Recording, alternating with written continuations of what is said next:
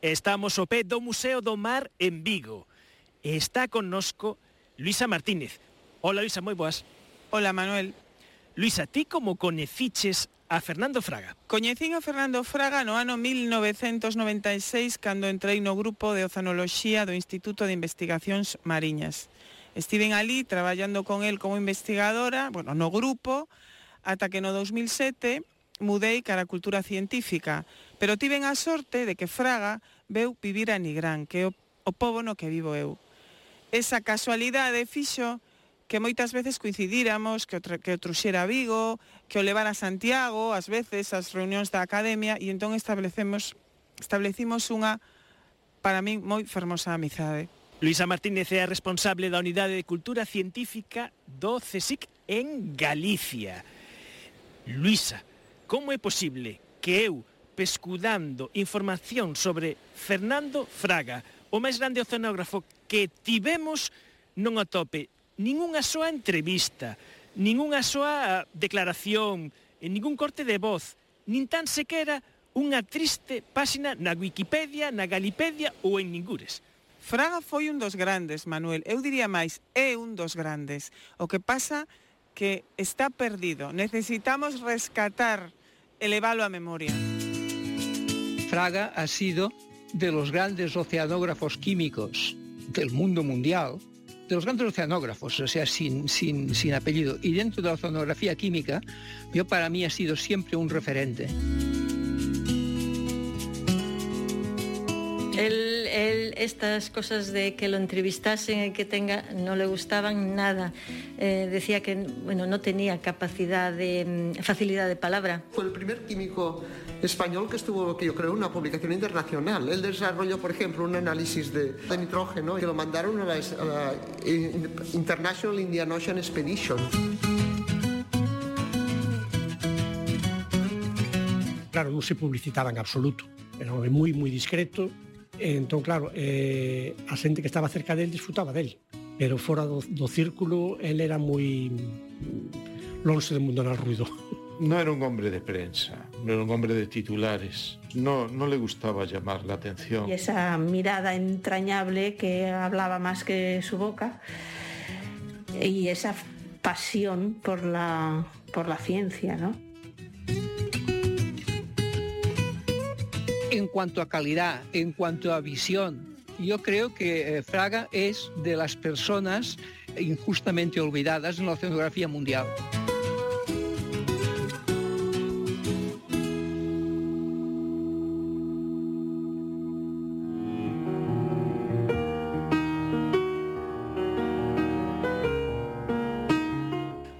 boas noites. Un saúdo de Luisa Martínez, César Goldi e Manuel Vicente. Hoxe somos o equipo de Efervesciencia. Especial Fernando Fraga, o químico que acabou tendo o océano na súa cabeza.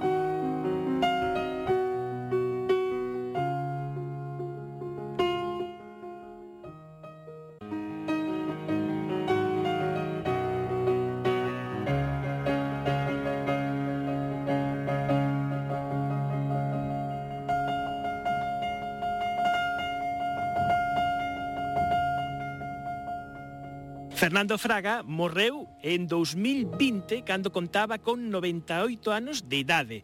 Cando se vos ocurriu que era importante e necesario entrevistar a Fraga e polo menos ter un, unha lembranza del? Foi no ano 2007 falando con Xos Antón Álvarez Salgado, profesor de investigación do Instituto de Investigacións Mariñas. Estábamos no proxecto de Bulgamar e os dos percibíamos e sabíamos que Fraga era unha persoa moi especial e que tiña unhas vivencias relacionadas coa ciencia que cando el falecera íanse perder. E iso era un valor que había que recoller de algún xeito. El non quería falar cos xornalistas profesionais, escapaba dos medios, tiñamos que facer algo. Entón, empezamos a convencelo, grazas á amizade que teño coa súa filla, para que falara eh, sobre a súa vida, eh, sobre a súa trayectoria, pois conmigo. Empezamos a facer cafés, nos que tamén estaba ela e falábamos de cousas pois de, de actualidade ou que non tiñan nada que ver coa ciencia e ao final sempre o levábamos cara a, a, ao que nos queríamos, que era que nos contase a súa vida como investigador e, e as súas experiencias vitais. Fernando Fraga naceu en Santiago de Compostela en 1922 En 1949 doutorouse en Química Orgánica na Universidade de Santiago baixo a dirección de Ignacio Rivas Marqués. Pois pues mira, eu nací en, en Santiago, en la Puerta Fajera, bautizado número 13. Fuimos moitos hermanos, eh, creo que fuimos 11, pero yo conocí solo 7.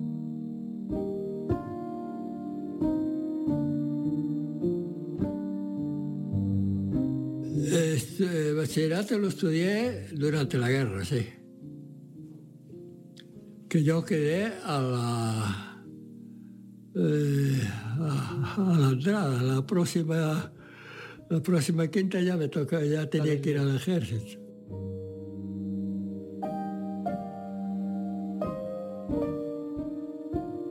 El verano aquel, bueno, era recién acabada la guerra y, y las cosas andaban muy mal. Eh, ya todo el negocio de mis padres se vino abajo, todo, todo. Y entonces, por si acaso, me, me hice maestro. Me hice maestro en un día. Porque no había todos los maestros, se, se habían muerto en el frente.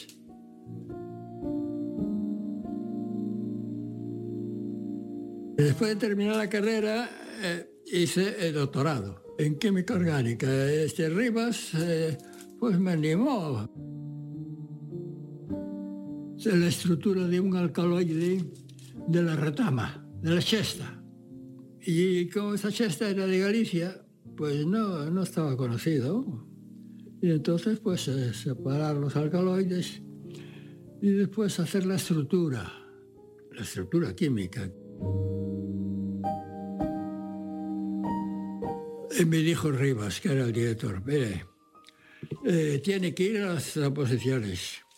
No le van a dar la plaza, pero tiene que ir para que cuenten con usted para el próximo año. Entonces, para el año, para sacárselo delante, eh, le crearán una plaza para usted. Íbamos de Santiago dos a, Madrid. Efectivamente. Y nos carga a los dos. Vale. Tal como había dicho Rivas.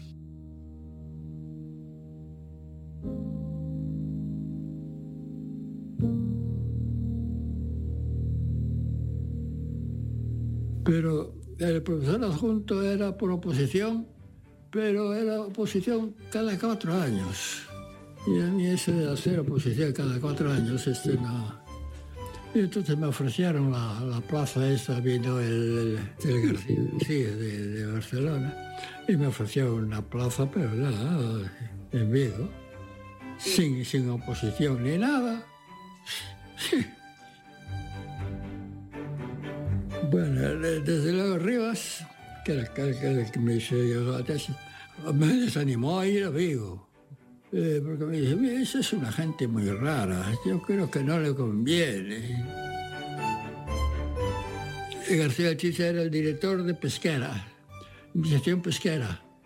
Y entonces que, que era la central era Barcelona. Y querían abrir en Vigo.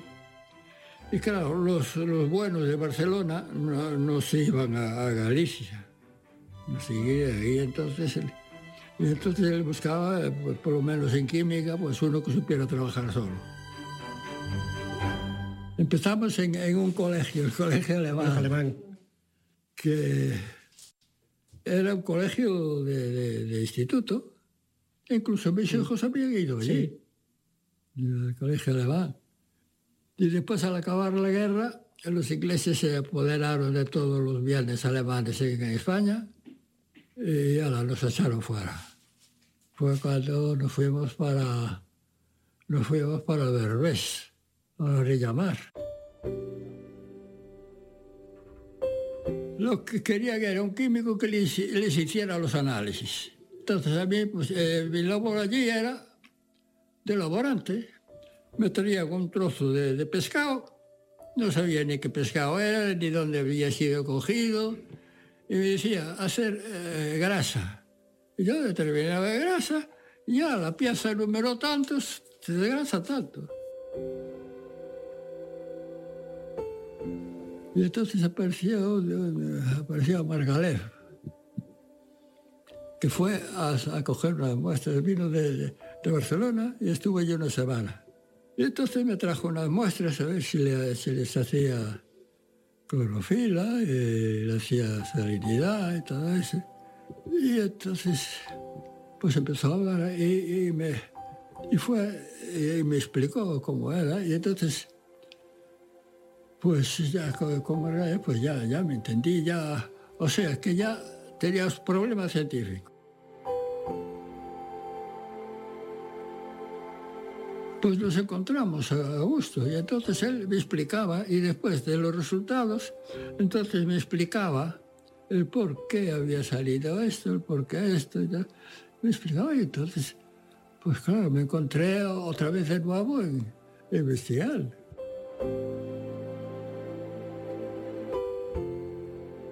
Pero no sabía que existía el planto ni nada. Fue Margalef, que en una semana, en una semana que estuvo allí, pidió que le hiciese tal y después me explicó el, por qué. Ya sabía el por qué, o sea que ya, no era una rutina, ya no era un trabajo, eh, ya era una investigación. Ah, eso, ya que entonces fue cuando Margarita me, explicó que el fitoplancton que era lo, era lo fundamental. El fitoplancton era que el alimento, yo creí que el mar sería pues pues como la tierra, que las algas grandes se las comían los se las comían los, los, delfines, pastaban como las vacas, y que, que después las sardinas pues iban comiendo los residuos, lo que, lo que les sobraba a los otros. Pero de, fue cuando me enteré que, fue cuando me, me enteré que el fitoplancton de, que existía eso, el fitoplancton. Pues ya automáticamente, pues el jefe de el jefe de química, el jefe de, química de, las expediciones, automáticamente era yo. Vamos, de que dejé de ser de un, ayudante, dejé de ser de ayudante, pasé a hacer investigación y a enterarme de cómo funcionaba el bar.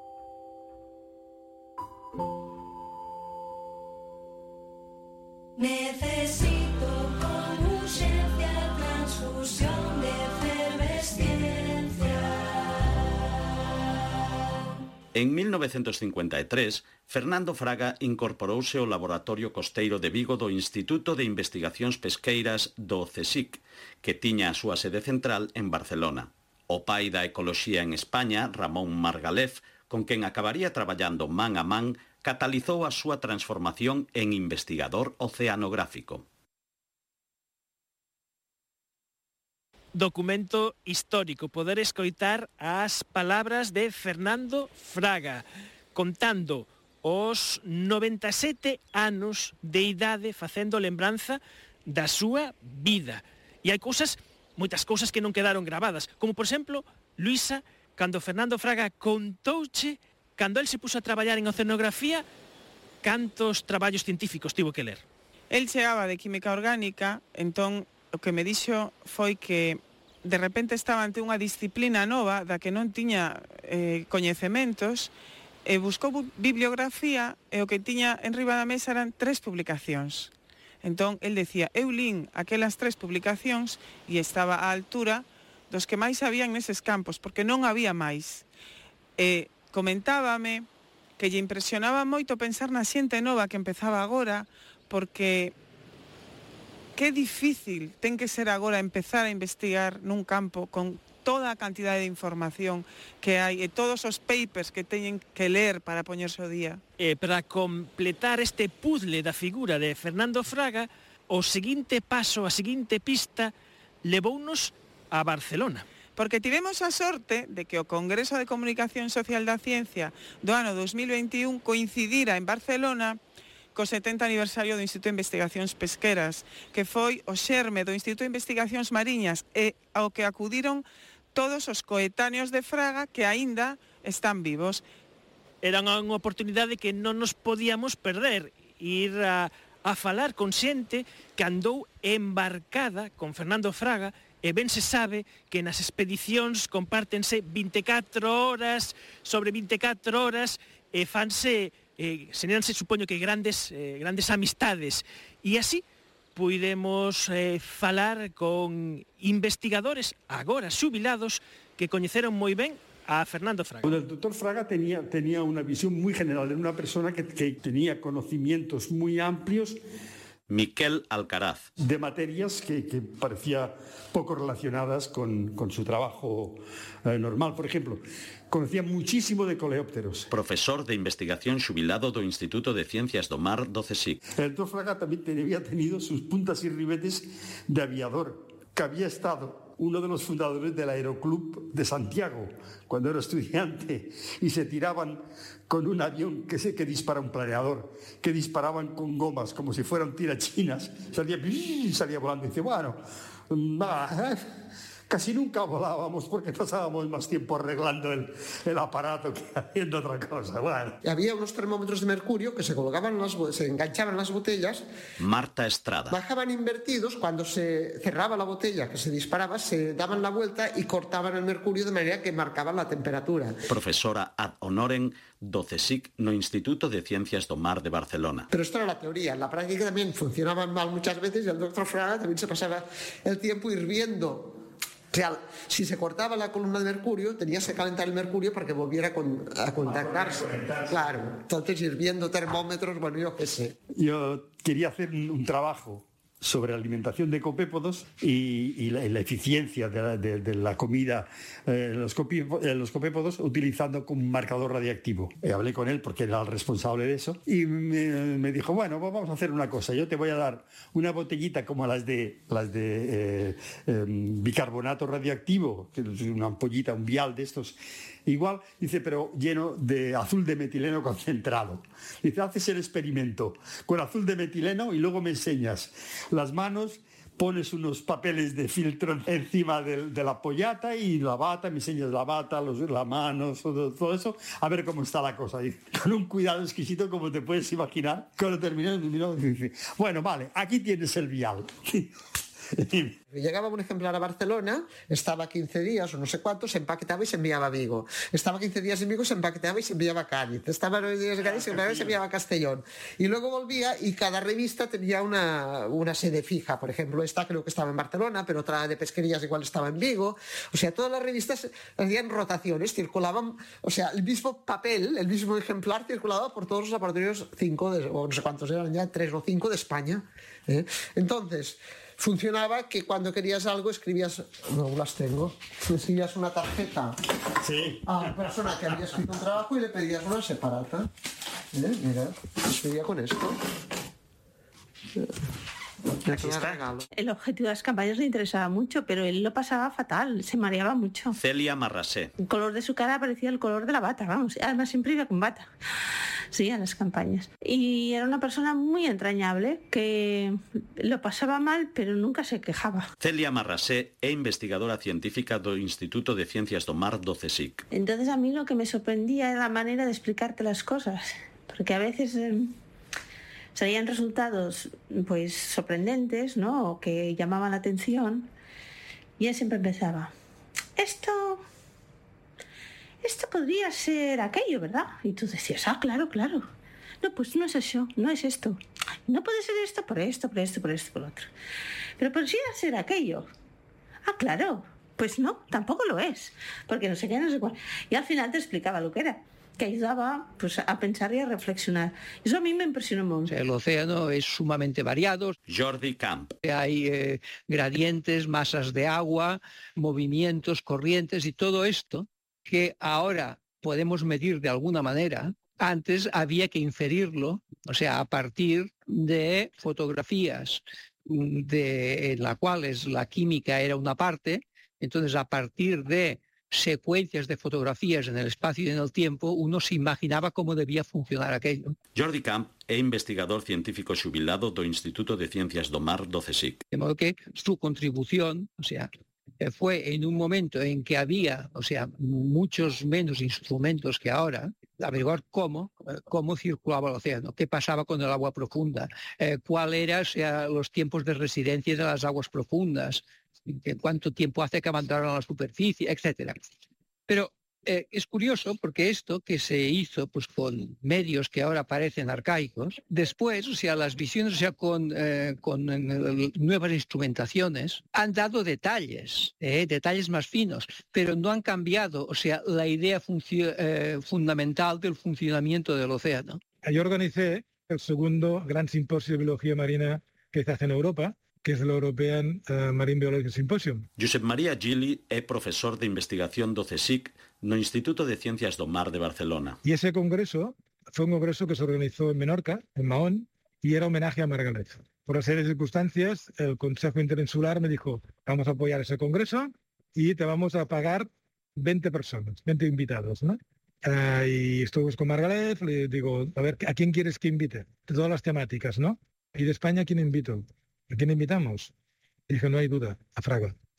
Digo, sí, digo, sí, sí, sí, digo, pero eh, el inglés, digo, no te preocupes, yo quiero que Fraga esté en mi homenaje. Entonces me acordaré siempre de que en el teatro donde se hizo el congreso, Fraga y, Marta Estrada estaban juntos, y él iba hablando y Marta iba traduciendo, ¿no?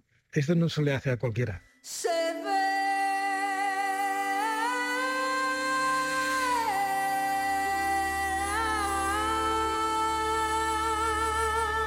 E en Barcelona, ademais, atopámonos cunha sorpresa inesperada, totalmente. Atopamos un documento inédito, unha grabación de Fernando Fraga, que lle fixera o fillo de Ramón Margalef.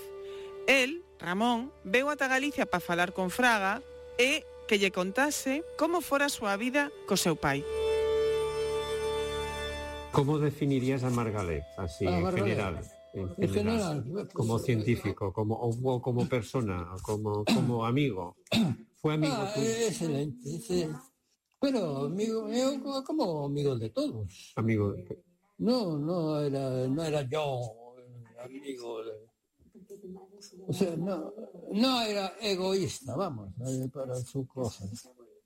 Vale. Y siempre dispuesto a ayudar a todo el mundo. Y eso que, que a mí me, me, que yo soy muy, muy cerrado, según dicen. Ya, bueno, yo he trabajado eh, el ordenador con MATLAB. ¿Conoces MATLAB? Bueno, lo he oído. Eh. Bueno, pues es lo mejor que hay. yo, yo, yo te estoy grabando. Ah, esto no tiene validez ninguna, porque ya no me acuerdo de, de nada.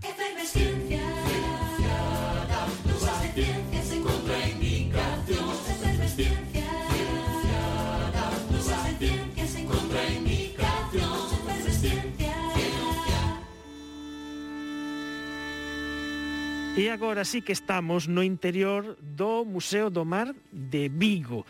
Temos na nosa sala esta reproducción do Beagle a escala, pero Luisa, o que a ti te chama atención é isto que temos diante nós. É un correntómetro de Ekman, ou como lle chamaba Fraga, un correntómetro de bolas. Este é un instrumento que sirve para medir A intensidade e a dirección da corriente, das correntes mariñas, e Fraga viaxou con el en moitas das campañas oceanográficas que fixo na súa vida. O sea, que este de Fraga, este son instrumentación propia de Fraga, que podemos ver aquí no Museo no Museo do Mar de Vigo. Efectivamente, cedida por Instituto de Investigacións Mariñas. Cando chegamos a esta sala foi un día que lle dixen Fraga, veña, imos ao Museo do Mar que hai moita instrumentación do instituto, imos alí, explíqueme, por favor, como funcionan todos eses aparatos. Como ves, Manuel, na sala está cheo de cartéis. Non tocar, non tocar. Non tocar. Non tocar as pezas expostas. Pero cando entramos aquí, Fraga veu directo ao correntómetro. Agarrou o instrumento, empezou a abrir esta caixa que estaba dura como esa hora, e abriu e conseguiu sacala e vimos as bolas, explicoume como funcionaba, en función de como viraba a corrente, iban caendo as bolas nunha especie de receptáculos, e mentras a xente paseaba polo museo con eses grandes cartéis, non tocar, non tocar, e claro, Fraga era como se si fose seu, realmente era seu. E el considerábase con todo dereito para tocar e ensinarme como funcionaba o correntómetro. Media vida de, de Fernando Fraga pódese ver a través da súa instrumentación no Museo do Mar de Vigo.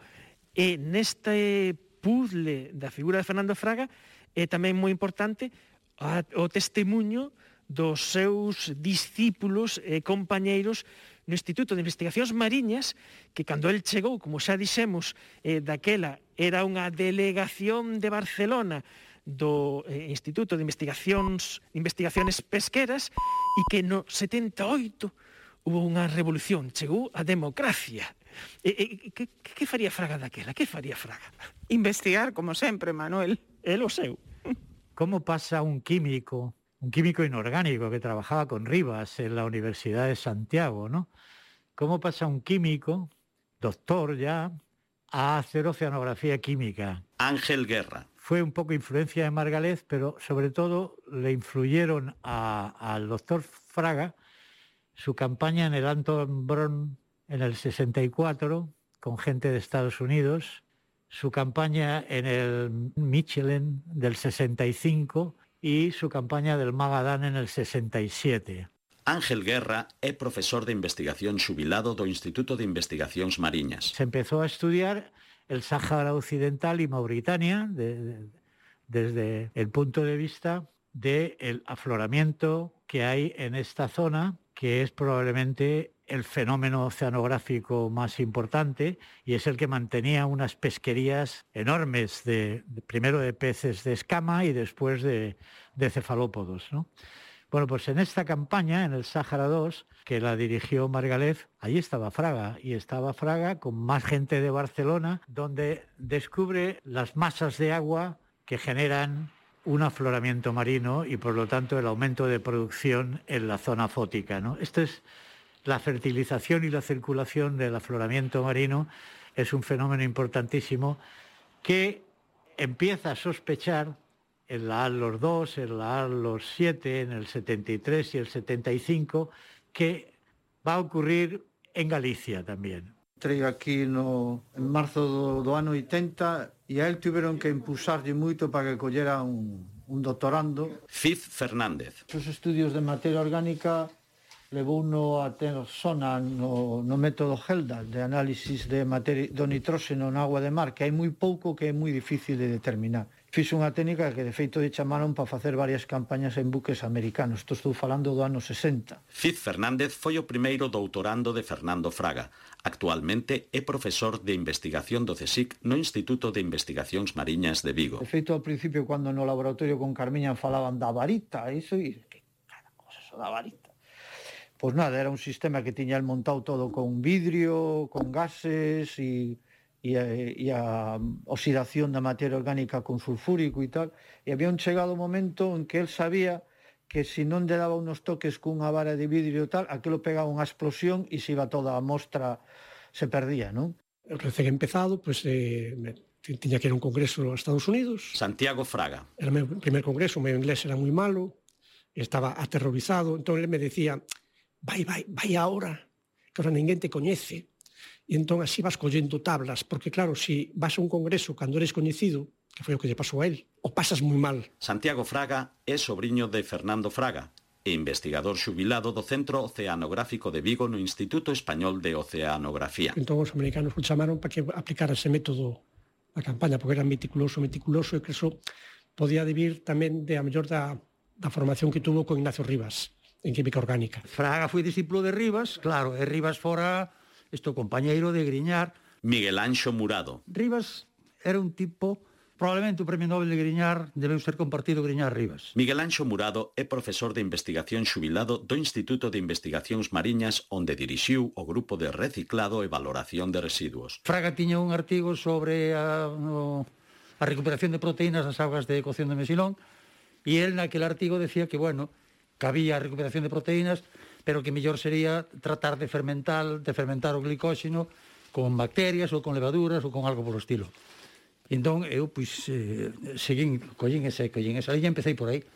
E logo eso, pois, foi multiplicándose, dando, pois, eh, distintas tesis en, en tratamentos de, de, de residuos e en aproveitamentos directos de, de, de produtos de refugallos da pesca. En el 78 tuvimos una revolución en el instituto porque fue la movida de los claustros ampliados cuando nos independizamos de Barcelona cuando se democratizó un poco la, la dirección. En todo este proceso yo no recuerdo a Fraga tomando una posición.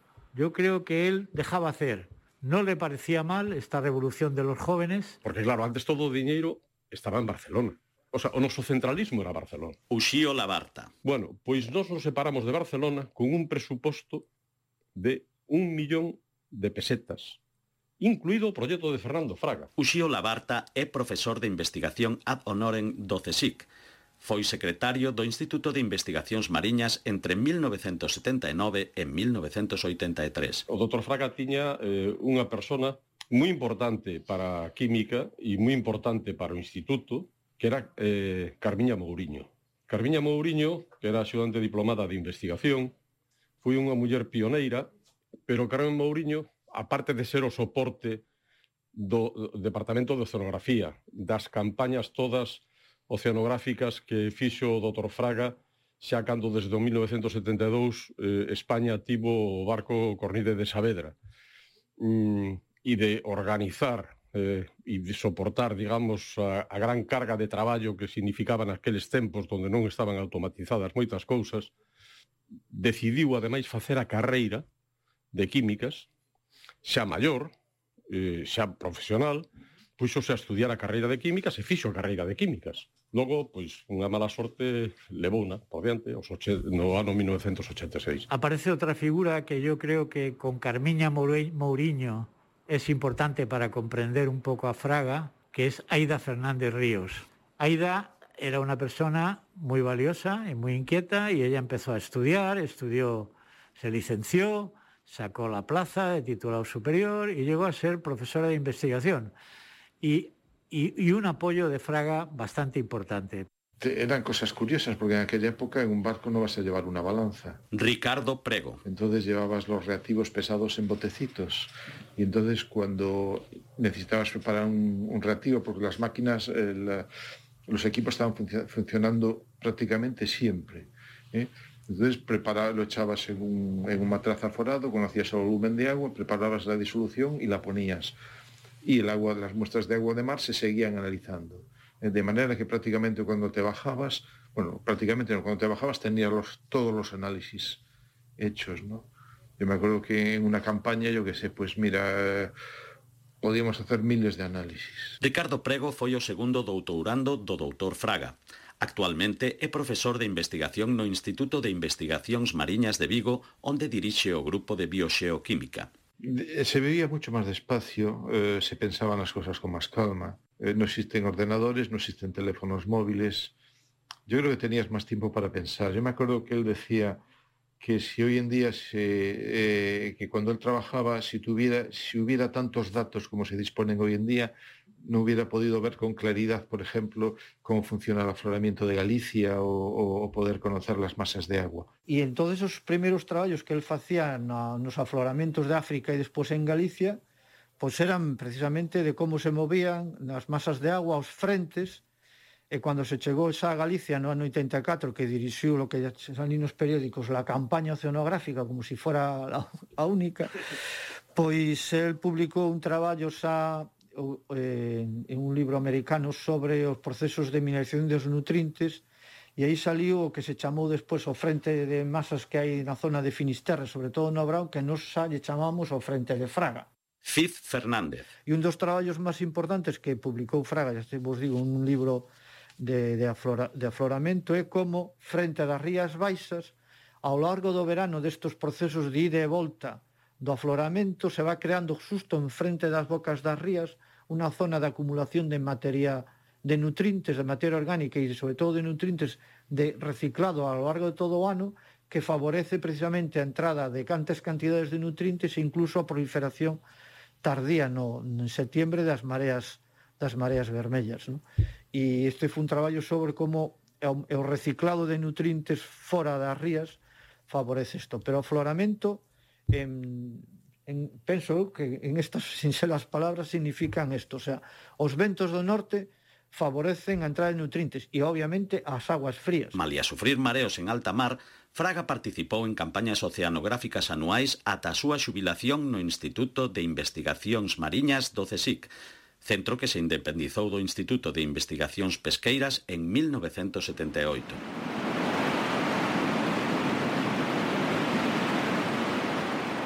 Esa era la expedición internacional al Océano Índico, que era una organización internacional, y, y solicité y, y, y me, me, le puse lo que, lo que podía hacer, que podía hacer, que podía ser materia orgánica disuelta en agua, en agua de mar y entonces eh, que, que no, no, no, había, no había forma de hacerla antes.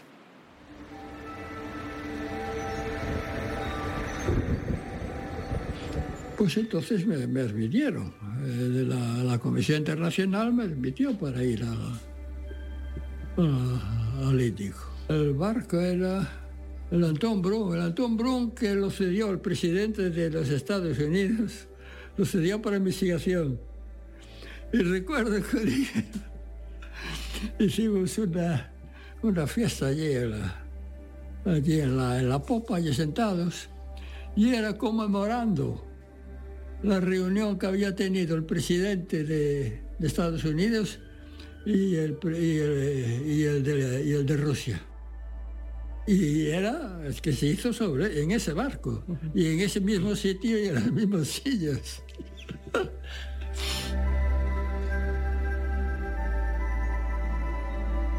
después ya, ya, ya dirigí tesis de, ya orientadas precisamente a la...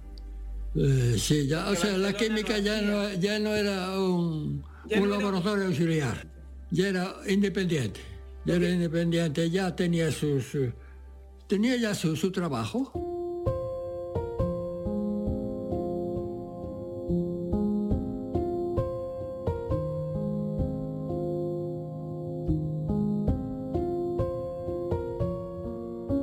Pues sí, me gustaba trabajar mar, pero cogía unos mareos horribles.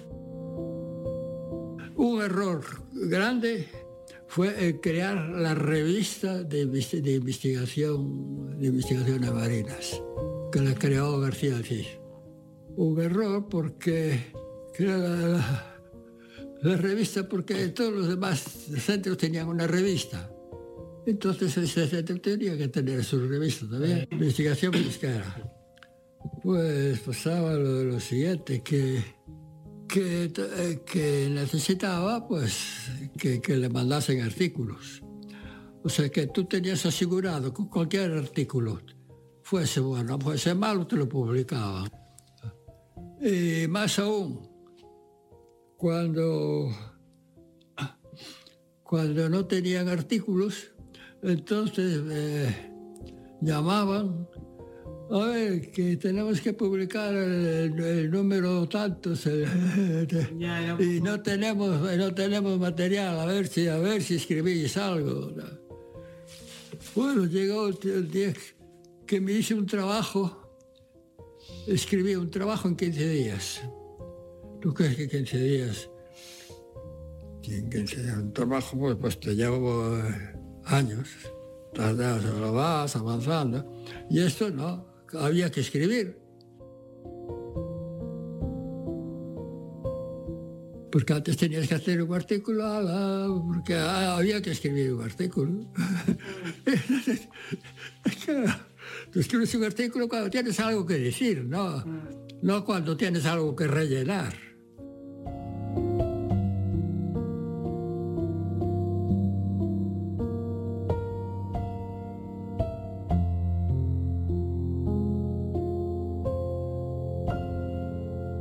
Cosa de físicos. Sí, pero, pero eso cosa de físicos, el de aquí del Ibérico no estaba estudiado antes de que tú empezases con él. No, no estaba estudiada la importancia que tiene. Ni se sabía mucho de él, o nada. No, se sabía, bueno, pero, pero, pero, la influencia que tenía, ¿no? El trabajo, que publicaste en el 81, es el primero que hay de afloramiento oh, en Galicia. Ya, ya no recuerdo. No.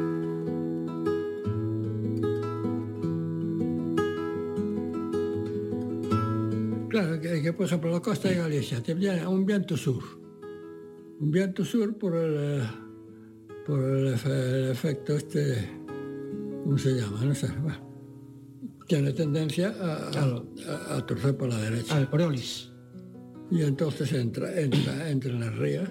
Mm. Y si viene el viento norte, pues saca agua de, de, de, superficie. Sí, pero es que eso ahora parece muy sencillo, pero que antes de que tú lo estudiaras no se sabía. Efectivamente.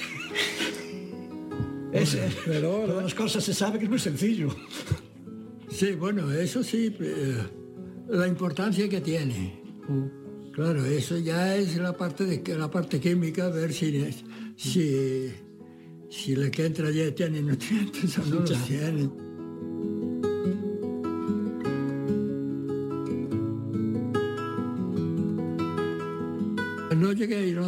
Me jubilaron justo ese año. Yo hice, hice todos los trámites, pero después no me, no me dejaron ir.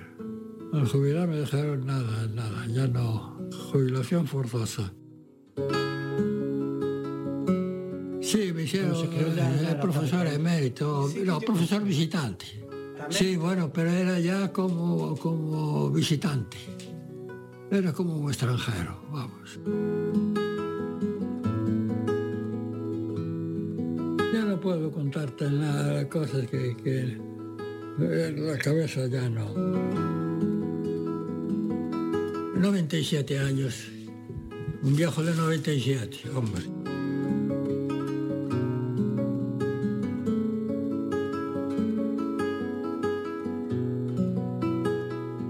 A Ciencia, na Radio Galega.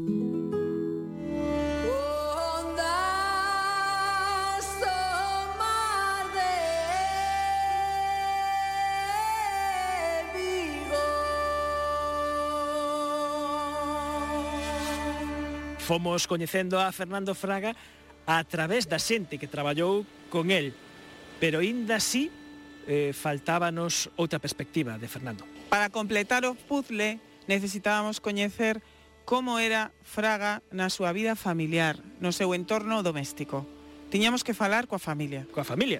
E así nos fomos e falamos coa súa filla Ana e coa súa neta Laura, que, por certo, curiosamente, é doutora en biología. Él nos, siempre nos llevaba a casa, nosotros estudiamos en el colegio alemán, y ellos tenían el laboratorio en el Berbés. Ana Fraga é filla de Fernando Fraga. Entonces nosotros al acabar las clases íbamos andando, los hermanos, hasta el laboratorio, y ahí cogíamos el coche, o sea, nos llevaba para casa. Y siempre que llegábamos, solo estaba él, trabajando. Entonces siempre llegábamos, subíamos al laboratorio, el laboratorio era nuestro esperábamos a que él acabase lo que estuviese haciendo y ya nos llevaba a casa, él cerraba. Entonces, era, que era el último, sí, porque de hecho pocas veces recuerdo gente allí. Vino a mi tesis y de hecho eh, dos del tribunal de mi tesis lo conocían. Laura Álvarez Fraga é neta de Fernando Fraga e doutora en biología. Entonces eran tres de tribunal y dos personas del tribunal eh, conocían, a, conocían a mi abuelo. No me acuerdo cuál de las dos había sido, que sí que había venido a hablar con, mi, con el abuelo antes que hablar conmigo. Pero es normal.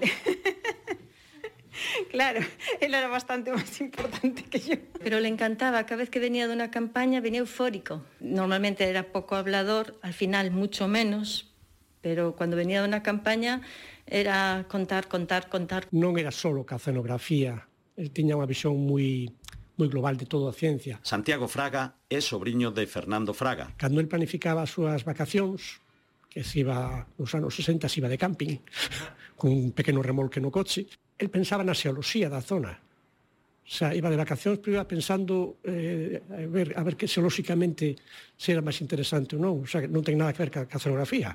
O sea, era un científico realmente de, de amplio espectro. Lo que a mi padre lo que le gustaba muchísimo eran los insectos. Tenía una colección de insectos impresionante. Apareció en su habitación uno de esos, ¿cómo se llaman? Un picudo, que no se conocía. Son preciosos, son color caoba, preciosos. Y me viene con el insecto. Esto es nuevo. Nunca lo he visto y no es de, no es de, de, de Galicia. Y entonces lo estuvo observando y dice, y es un gorgojo, porque la cara es de gorgojo. Digo yo, un gorgojo, sí, como el del arroz. pero un grande. Lo tenía y no lo conocía, dijo que debió de venir en una planta determinada, lo sacó afuera para que no se muriese y lo puso en las macetas de ahí fuera. Y se fue a su habitación y al cabo de media hora sale. Estuve viendo en internet y hasta ya lo he encontrado. Es el insecto que se está comiendo las, las palmeras. Vete a buscarlo. claro, nunca se enfadaba. Y si se enfadaba no se lo notabas, porque nunca, nunca le parecía... Si le parecía algo mal, tenía que ser algo muy gordo. Si no, yo no recuerdo a mi padre hablar nunca mal de nadie. Solo me acuerdo una vez que vino enfadado del laboratorio. Una vez sí, eh, que fue al laboratorio y estaba haciendo un experimento. Y resulta que para hacerlo necesitaba tener una, una secuencia y estar vigilando. Entonces se quedó a dormir en el laboratorio para seguir la secuencia. De aquella acababan de poner hacía poco eh, el mecanismo de fichar, porque la gente parece ser, decía él, no, es que ahora nos, nos, ponen a fichar, nos quedamos así alucinados, y decía él, es que debe de ser, creo que hay gente que no, que no va a trabajar o va y no vuelve, lo decía él, como lo dejaba caer. Y a él le daba igual, fichar o no, porque él hacía su vida exactamente igual. Entonces fichó para entrar, pero no salió y al día siguiente fichó a la salida. Y vino el director de aquella y le echó una bronca por no haber fichado salida y entrada al día siguiente. Y aunque le explicó que se había pasado la noche allí, se quedó con la bronca y venía todo enfadado.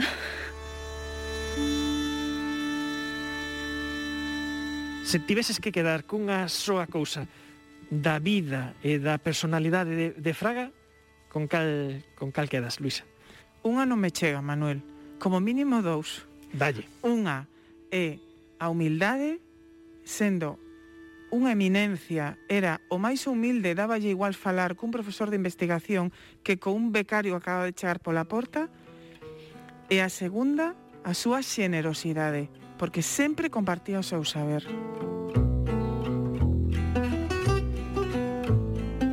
Fraga sabía, sabía de electrónica también y, era relojero, sabía desmontar y montar un reloj. Y rápidamente se familiarizó con, con, con la informática y recuerdo que el, la, una de las últimas veces que estuve yo por Vigo me contaban los, los compañeros del instituto de que cuando tenían algún problema con el MATLAB llamaban a Fraga. Bueno, tiña un programa en casa que había feito de ese con MATLAB ou algo así para as, as medicinas que tiña que tomar. Nunca lle negou o apoio a ninguén, científicamente, que o seu despacho estaba sempre aberto para resolver dudas, para axudar en manexos de, das primeiras máquinas de cálculo que había, aquelas que había que programalas con tarxeta que se metía, es decir, las, las Hewlett Packard. Sí, yo me acuerdo cuando, cuando compraron el primer ordenador del laboratorio que nos, fue, nos llevó a verlo, era una habitación. Bien que se iba a las sesiones de la, de la Academia Gallega, se iba en coche desde Vigo.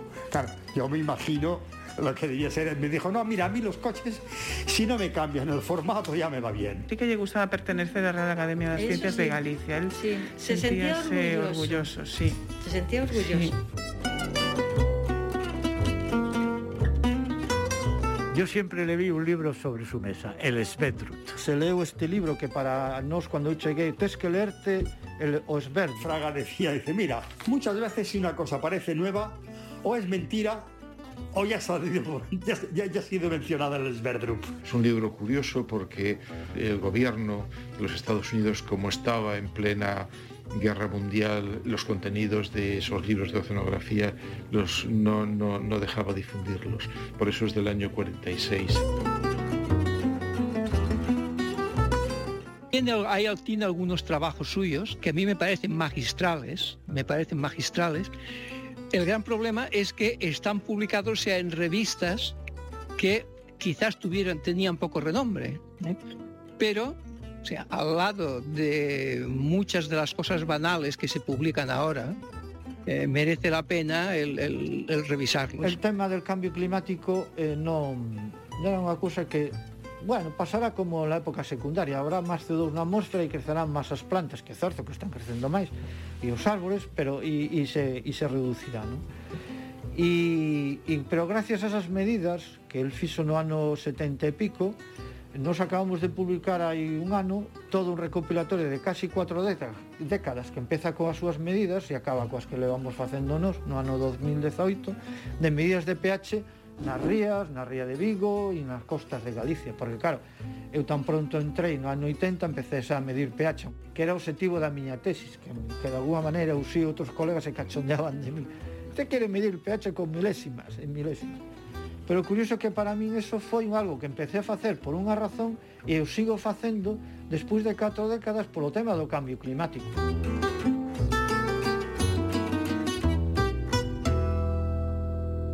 Decía que un investigador non se xubila, que un investigador sigue sen, eh, sempre traballando. Consideraba perfectamente capaz para seguir haciendo lo que estaba haciendo. Y entonces eh, pidió eh, seguir y se lo denegaron. Le dijeron que tenía que dejar el puesto pues, a los que vienen detrás. Le permitieron, como un gran favor, que fuese al laboratorio a pasar el tiempo. Desde los 65 hasta los 90 y pico, después el 90 y poco dejó ya de ir de normal, pero hasta los 90 y estuvo yendo al laboratorio como cualquier otro trabajador, que había muchos que no sabían que estaba jubilado y que no cobraba, pues sin cobrar, haciendo el trabajo exactamente igual. En la zona fótica, pues las variaciones en el nitrato y en el fosfato se relacionaban con eh, la producción del fitoplancton, como tiene algún trabajo maravilloso como la migración del fitoplancton, a veces, o sea, siguiendo la luz, eh, eh, se detecta en los cambios de nutrientes en la columna del agua. Este es un trabajo que a mí me parece maravilloso, etcétera. O sea, es que intentaba entender el sistema y una vez intuía cómo funcionaba, hacía o sea, medidas muy finas, ¿eh? porque era, un químico extraordinariamente fino, ¿eh? extraordinariamente fino, eh, porque decía que las cosas no se podían hacer de otra manera que muy finamente. Las conclusiones de Fraga, es como se dice, iban a misa.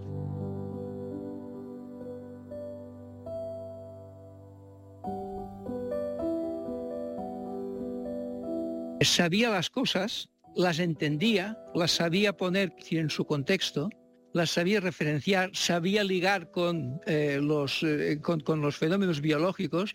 O sea, era una persona eh, o sea, extraordinaria, o sea, fuera de serie.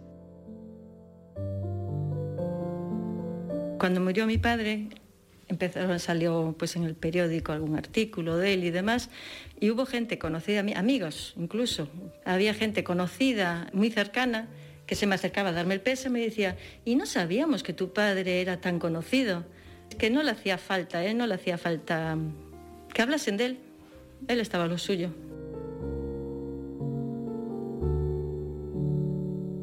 Os audios inéditos de Fernando Fraga que escoitamos neste programa forman parte xa da primeira entrega do proxecto de memoria sonora Voces da Ciencia, A conversa de Ramón Margalef Fillo con Fernando Fraga grabouse en 2018 e a de Luisa Martínez, Santiago Fraga e Francisco Rodríguez en 2019, cando o doutor Fraga contaba con 98 anos. En Voces da Ciencia, o Consello da Cultura Galega e a Asociación Galega de Comunicación de Cultura Científica e Tecnoloxía indagan nun formato de podcast ao redor da memoria da ciencia galega do século XX a través dos seus protagonistas máis destacados. Efervesciencia. Patrocinado pola FECIT, Fundación Española para a Ciencia e a Tecnoloxía, Ministerio de Ciencia e Innovación, unha colaboración da Universidade de Santiago e a Radio Galega. O apoio da Xencia Galega de Innovación da Xunta de Galicia. É difícil non quedar totalmente enamorado da figura de Fernando Fraga. Fernando Fraga, que morreu hai dous anos, naceu no 1922. Isto quere dicir que este pode ser, debería ser, o ano de Fraga. Porque realmente Fernando Fraga o merece.